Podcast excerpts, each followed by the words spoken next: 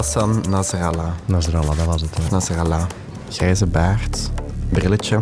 De leider van Hezbollah speecht. Wat zijn ze van plan? België dat de deadline van het klimaatplan mist. Weer al. Ik zeg al zes maanden dient dat in, maar laten we nu toch niet nog maanden aan een stuk daar eisen over maken. Is het erg dat België alweer een klimaatdeadline mist? We start with breaking news. The alleged chef of a fatal mushroom lunch, which claimed the lives of three people, has been charged with three counts of murder. En kan een paddenstoel echt een moordwapen zijn? Het is een, een mooi herfstig onderwerp, dat is waar. Ja, toch? Mijn naam is Lode Roels en dit zijn de niet giftige onderwerpen die ik serveer op deze laatste dag van de herfstvakantie. Welkom. في حالة ذهول في حالة جنون في حالة ضياع في حالة غضب غضب مع جنون Dit is de stem van Hassan Nasrallah, de leider van de Libanese militie Hezbollah. Het is een stem die we niet zo vaak horen, maar als hij spreekt, dan luistert de wereld. En ook vandaag waren we aan het wachten op wat Nasrallah te zeggen had.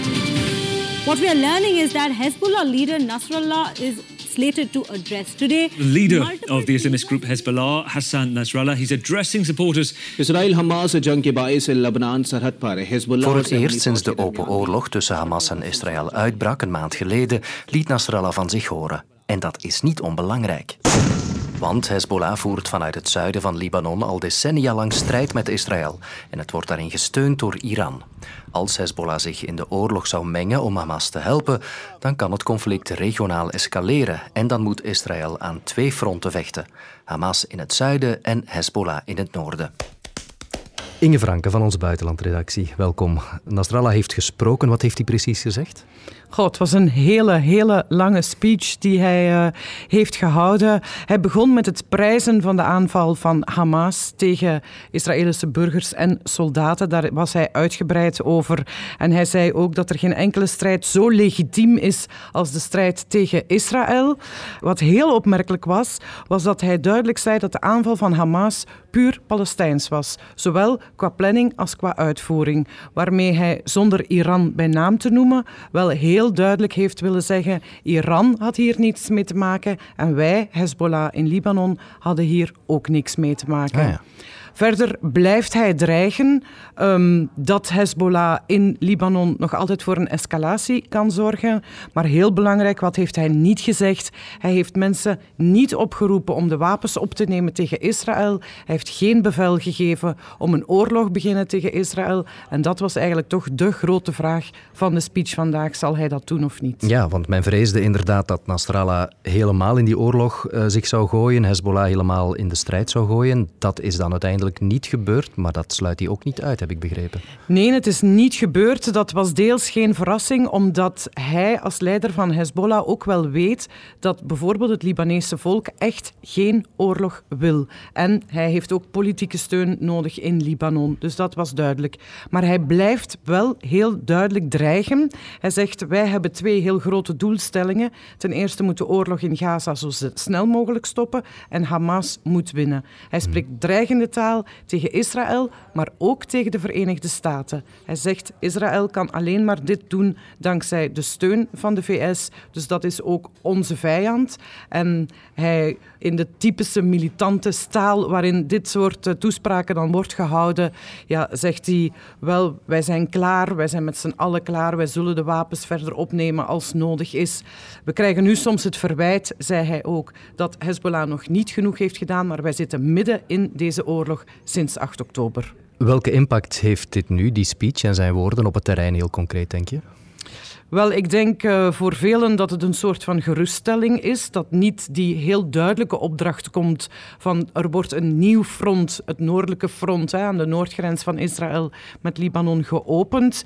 Um, aan de andere kant zijn er geen onzekerheden weggenomen. Het blijft heel onzeker wat er daar zal gebeuren, omdat we wel de voorbije dagen gezien hebben dat de beschietingen van Hezbollah op het noorden van Israël zijn toegenomen en omgekeerd ook. Dat Israël ook voor een stuk reageert, maar ook ze houden de uh, grensregio goed in de gaten natuurlijk. Als ze enige beweging zien of menen te zien, dan beschieten zij Hezbollah-doelwitten in Libanon ook. Want Hezbollah blijft wel degelijk een kracht om rekening mee te houden toch aan die noordelijke flank van Israël.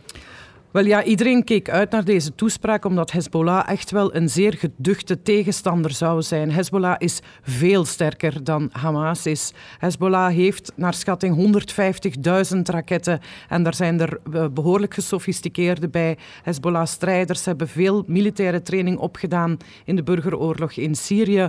Dus uh, dit is absoluut een geduchte tegenstander. Moesten zij een front tegen Israël openen. Inge, dankjewel. Graag gedaan.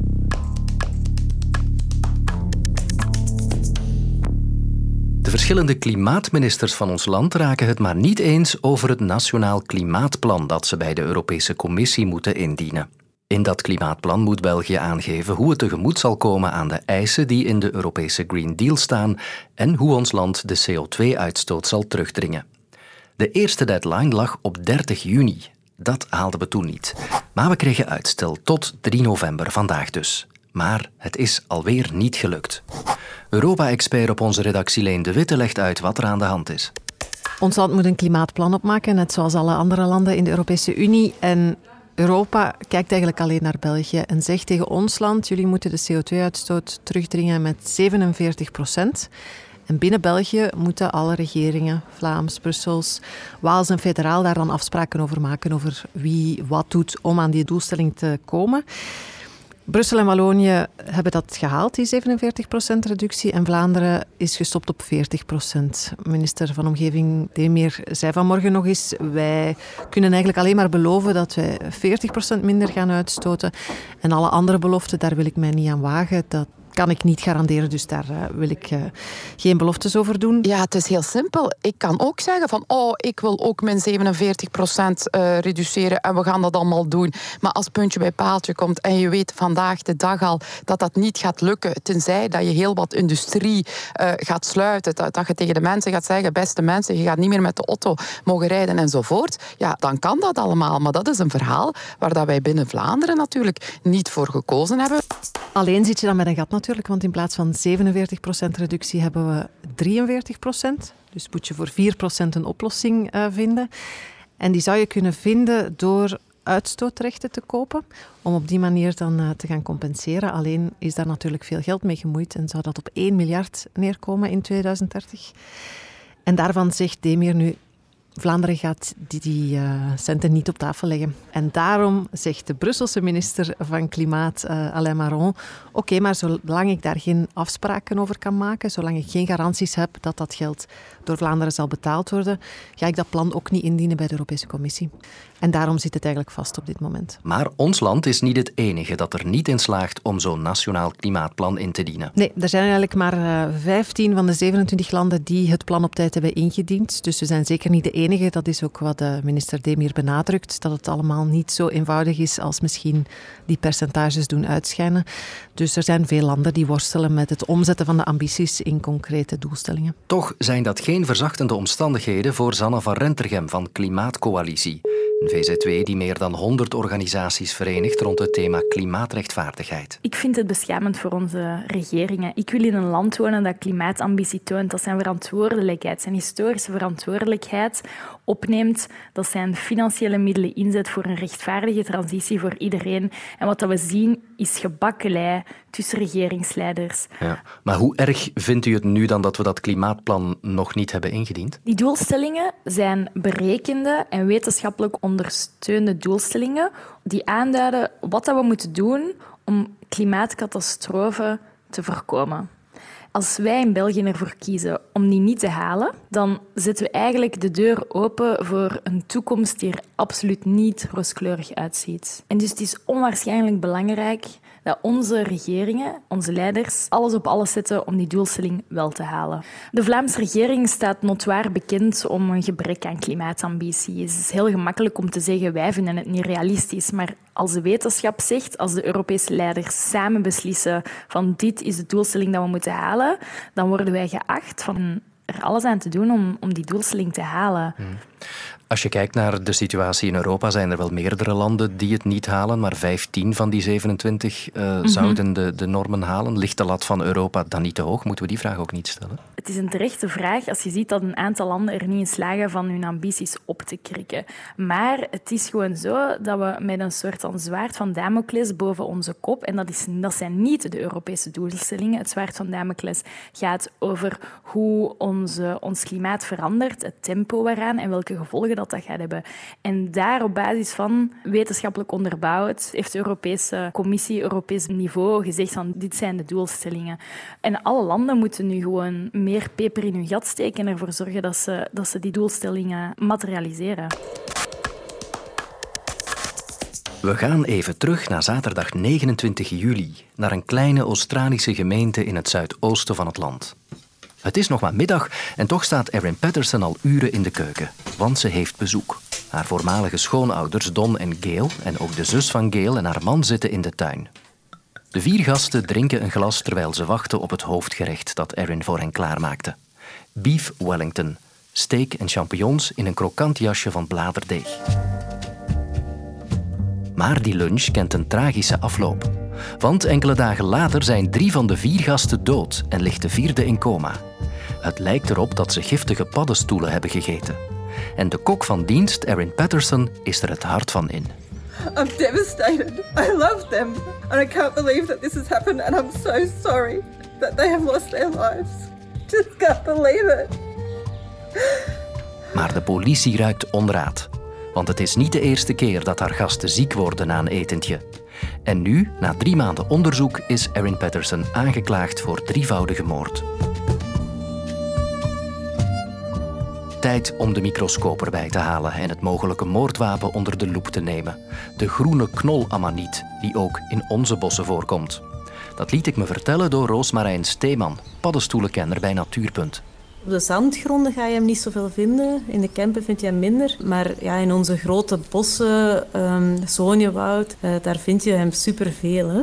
De groene knolamaniet die behoort tot de familie van de amanieten. Daar behoort ook de welbekende vliegenzwam bij. Die hebben een soort zakje rond hun steel onderaan en een ring. En uh, anders dan bij de vliegenzwam heeft de groene knolamaniet geen stippen op zijn hoed. Maar hij heeft ook wel ja, de witte sporen en hij is een symbiont. Uh, dus heeft bomen nodig, waardoor hij vooral in de herfst verschijnt. Die groene knolamaniet is een van de dodelijkste paddenstoelen ter wereld. Heel gevaarlijk. Omdat de symptomen die komen niet direct.